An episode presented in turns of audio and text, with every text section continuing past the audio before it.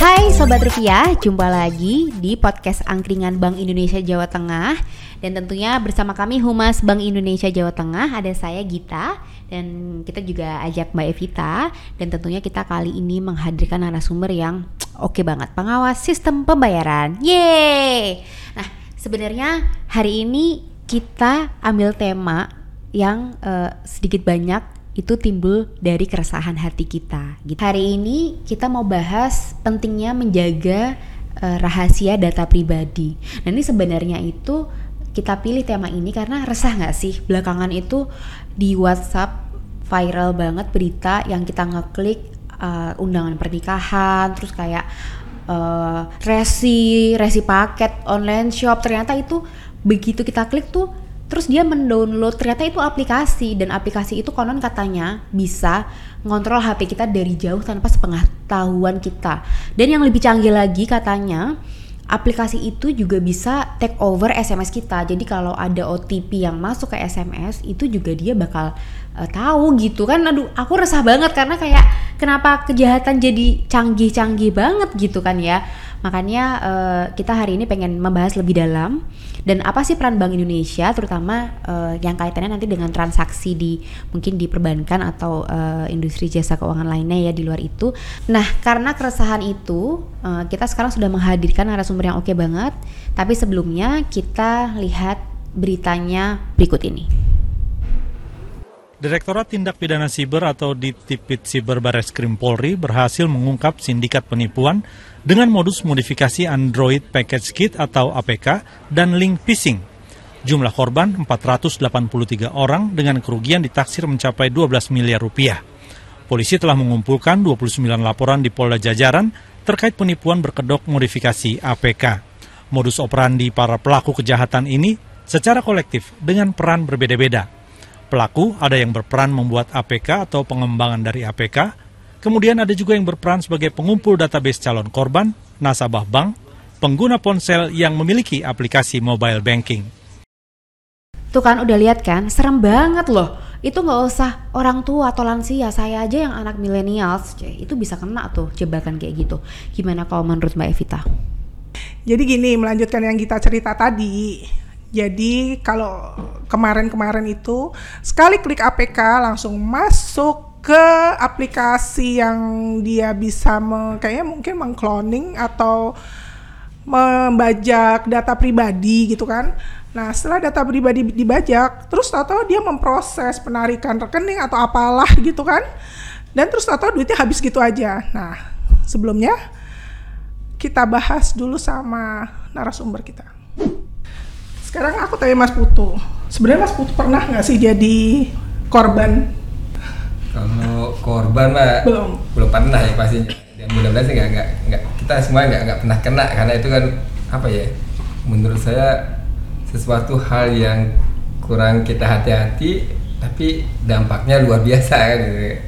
Oke berarti selalu hati-hati lah ya Mas Putu. Selalu hati-hati. Boleh dong diceritain gimana sih caranya biar hati-hati? Yang pastinya itu kita uh, jangan tergiur pastinya ya apa ya nanti ada informasi yang tidak kita kenal meminta apa ya kita selalu waspada lah jangan langsung dipencet atau diklik yang nantinya jadi masalah buat kita itu. yang pasti sih was, waspada ya maksudnya itu jangan sampai karena ke keingintahuan kita terhadap informasi yang memang belum kita pahami lah jangan nantinya sampai implikasinya ya tadi seperti yang Mbak Evita bilang ada uh, info APK atau undangan kita tanpa tahu klik langsung bisa nyedot semuanya istilahnya. Oke, boleh cerita sedikit dong modusnya supaya para pendengar di podcast kita tuh tahu dan hati-hati kira-kira uh, aplikasi yang kayak apa yang mesti diwaspadain karena kan ya sekarang memang serba digital ya, yeah, jadi kalau yeah. undangan pun biar ngirit ya kan, jadi mereka kirim soft file.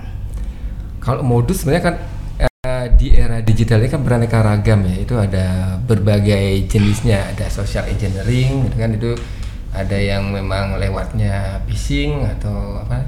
Kemudian ada juga yang ada melewati malware dan ada juga yang memang sekarang itu namanya itu SIM swab ya. Jadi kayak uh, uh, Digandakan gitu ya SIM-nya ya. kita emang dibajak ya istilahnya sama orang. Nah, itu juga TE modusnya kan nanti macam-macam. Mereka tarik data dulu si fraudsternya namanya itu dia akan mencoba menyampaikan kayak tadi ada aplikasi ke kita.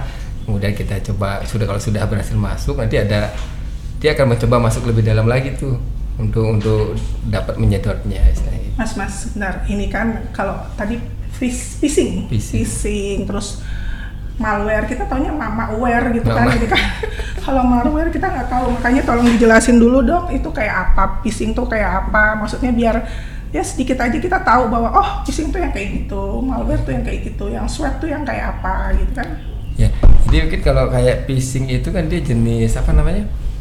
Eh, kita berusaha dikasih melalui Link. SMS Oh. atau WA atau email itu berupa link yang nanti kita masuk Kalau kita klik, klik kita nanti masuk ke apa namanya?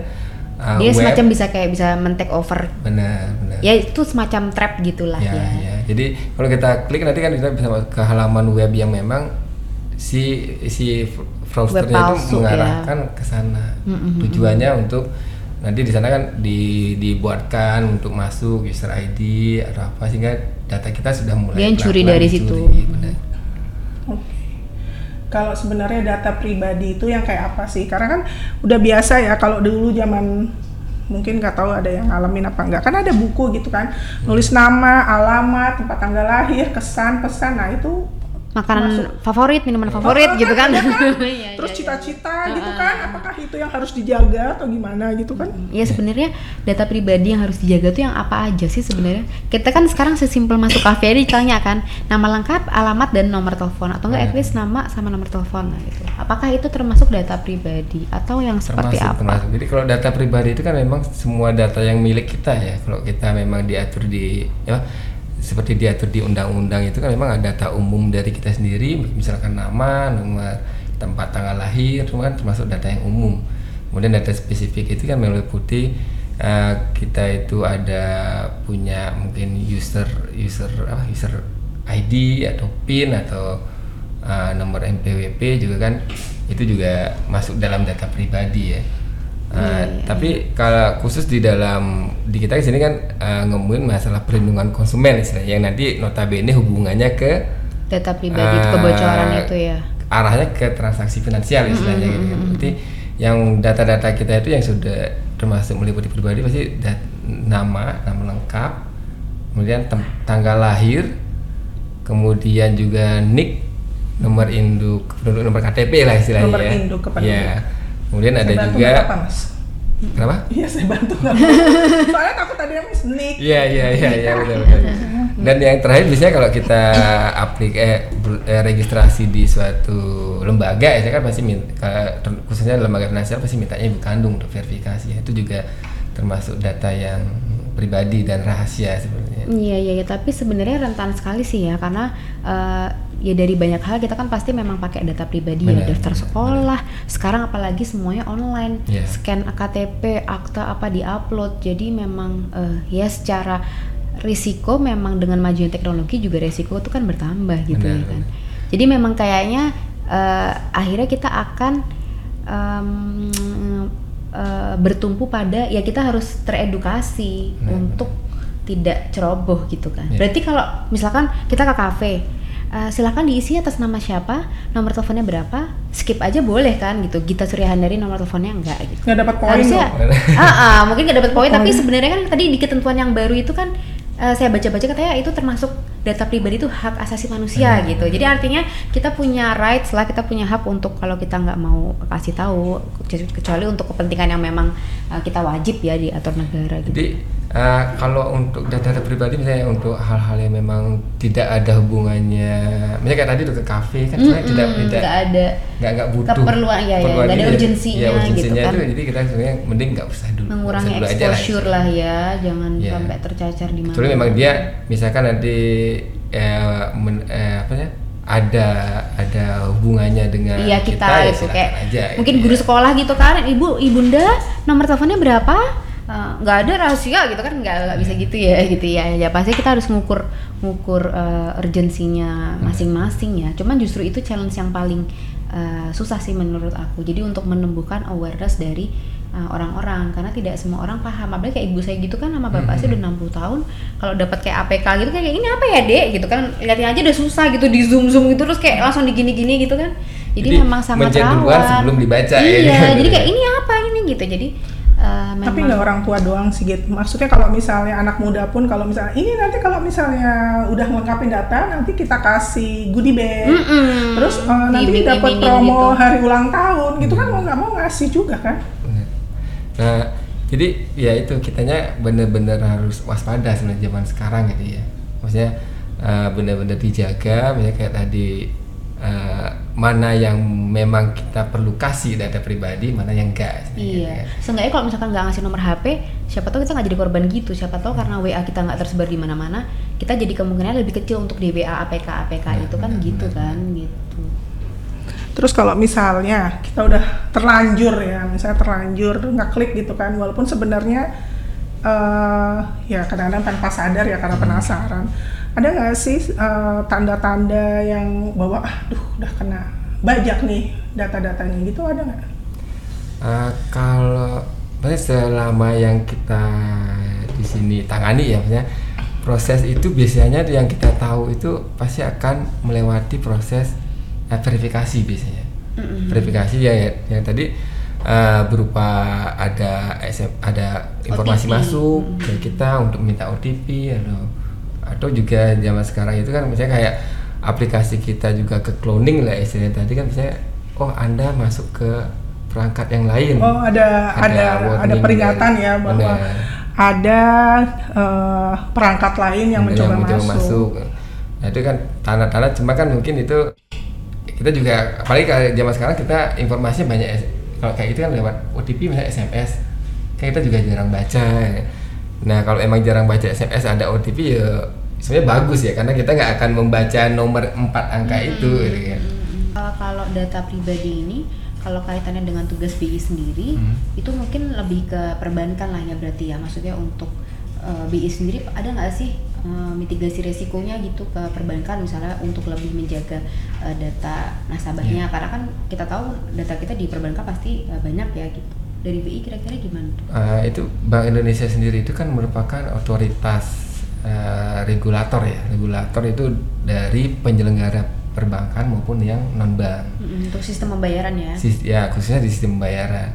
Nah di sini Bank Indonesia kan sudah uh, melakukan penguatan-penguatan dalam kebijakannya. Itu dalam Bank Indonesia juga mengeluarkan peraturan Bank Indonesia terkait dengan penyedia jasa pembayaran yang di dalamnya mengatur jadi semua penyelenggara jasa pembayar eh penyedia jasa pembayaran itu wajib menerapkan manajemen risiko dan juga menerapkan uh, aturan-aturan terkait dengan prinsip perlindungan konsumen.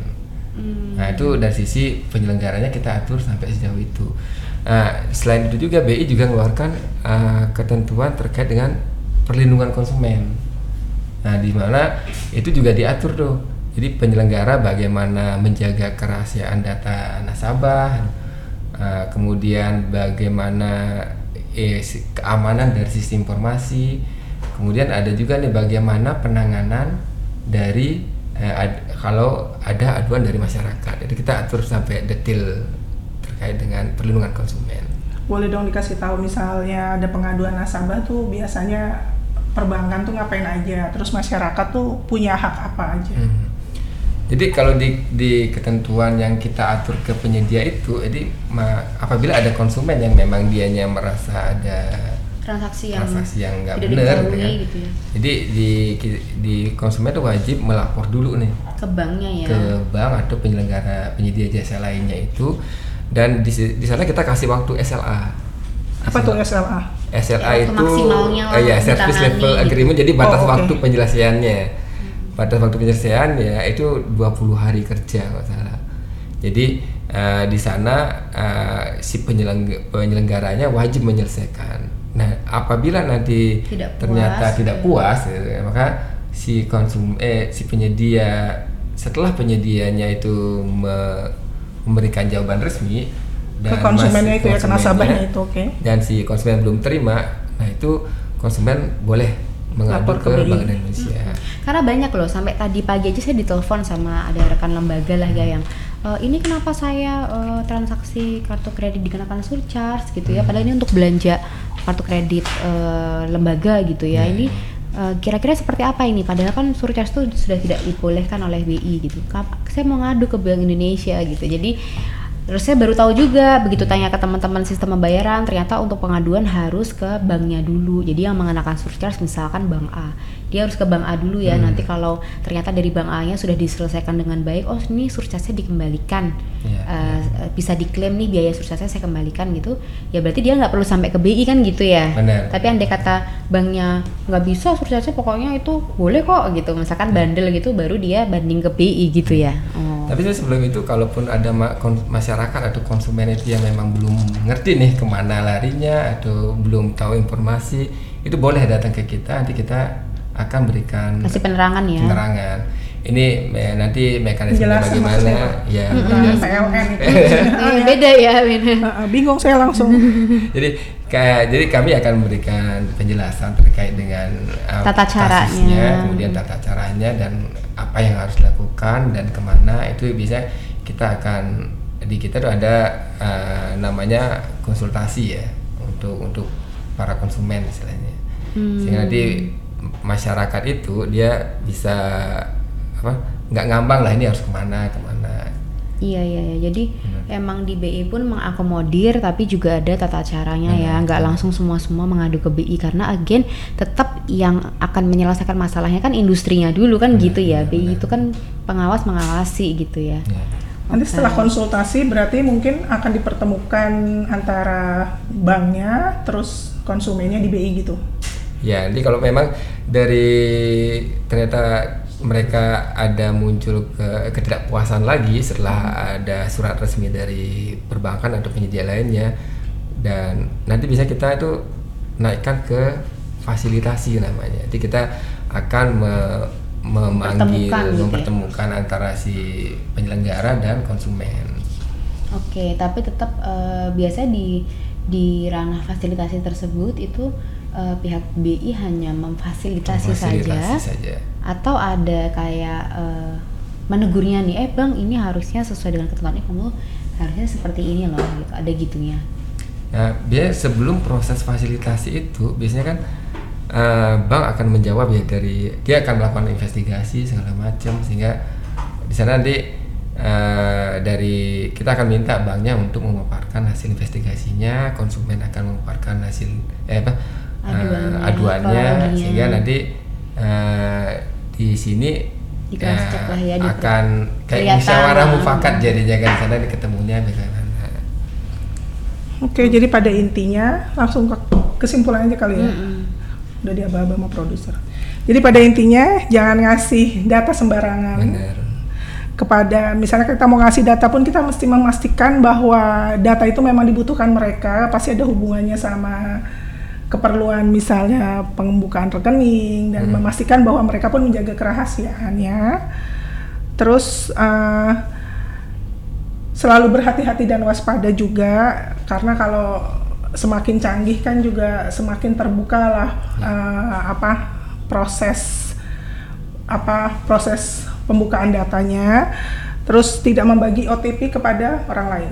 Itu yang paling penting ya. Ha-ha. Mungkin nambahin satu kali ya. Jadi kayak eh, makin ke depan, makin teknologi makin maju, akan ada cara-cara eh, kejahatan yang akan makin canggih. Benar. Yang mungkin kita nggak kebayang sekarang gitu. Bahkan APK-APK ini menurut aku sudah sangat eh, bahaya sih karena itu orang nggak itu tadi kata Mbak Evita ya nggak usah orang tua lalai dikit aja kepencet gitu Iya, jadi iya. eh, memang akhirnya bentengnya itu yang utama ada di diri kita sendiri untuk mengupdate informasi, untuk adaptif juga sama teknologi. Jadi kalau kita pakai teknologi itu ya jangan cuma pakai teknologinya aja, tapi kita juga harus tahu konsekuensinya Benar, benar. sehingga Aware kita ya, aware. Oh. jadi jangan cari senangnya aja, cuman kita juga harus lihat ini resikonya apa, jadi kita bisa lebih hati-hati gitu ya Mas Putu benar. ya. Makanya itu da, kita tuh sebenarnya ada tagline itu, namanya datamu rahasiamu, sehingga masyarakat juga ngerti mana sih yang tadi yang dijelaskan mana yang boleh di share mana yang nggak boleh di share kemudian jangan apa jangan tergiur lah kemudian waspada dengan hal-hal yang memang uh, kita belum tahu istilahnya Iya iya benar. Satu lagi, ini agak uh, menarik loh. Katanya HP aja sekarang bisa nguping kita kan. Jadi kalau kita kerasa nggak sih kalau kita ngomongin saya lagi pengen beli lilin nih mat, uh, rumah saya mati lampu. Nggak lama iklan lilin keluar di HP gitu kan. Sekarang kan zaman sekarang gitu ya kita kayak dibaca pikirannya gitu. Uh, konon katanya saya sih belum tahu ya cuman katanya si uh, teknologi AI ini juga bisa uh, dia menyerap apa yang kita katakan gitu. Ya saya aja sering kok kalau ngomong pakai WhatsApp di mobil ketiknya tuh pakai uh, voice note. Voice jadi kayak uh, oke okay, saya mau sampai. Dia langsung ngetik saya mau sampai. Gitu. Jadi kan ini sebenarnya ya uh, gadget itu suatu hal yang ya itulah ber, bermata dua ya. Di sisi lain memberi kemudahan tapi juga resiko tuh sangat terbuka besar di sini. Jadi memang lagi-lagi uh, kita yang harus aware juga sih gitu. Dan tentunya nggak cuma kita sebagai pengguna ya pemerintah terus kayak tadi BI industri itu juga harus sama-sama aware. Berarti nggak cuma dinding yang punya Betul. telinga. Betul. Kita juga harus punya dinding. Berarti HP juga punya telinga. Iya betul ya. Dia juga suka menguping. Nah iya kan bahaya udah kita tutup aja podcast kali ini. Kayaknya dari nanti kepanjangan durasi ya iya iya durasi durasi. Keburu ah, gorengannya. Ada Ah, dari- udah dari melambai pagi. dari tadi gorengannya soalnya. Kami mengucapkan terima kasih. Terima kasih beli putu untuk sharingnya. Nanti ditunggu misalnya kami tiba-tiba pengen bahas yang lainnya. Kan tadi kan sebenarnya nggak cuma data pribadi aja kan. Perlindungan Modus-modusnya itu konsumen kayaknya, ah, macam-macam juga ini kan baru teknologi ya maksudnya apa sih yang harus kita jaga selain data pribadi Mm-mm. sebenarnya kan ada yang lainnya ada yang lain. Oke, jangan lupa untuk para pendengar setia untuk subscribe dan follow semua media sosialnya BI Jateng. Ada Instagram, ada Twitter, ada YouTube, ada Facebook. Nah itu like dan komen. Pantun sedikit boleh Bapak? Ya Pak. boleh Mana nih? Nasi bungkus lauk teri. cakep Banyak. cakep belum belum belum Kepedesan jadi susah senyum. cakep Selesai sudah podcast hari ini. Sampai Cakep. jumpa. Assalamualaikum. Yeay.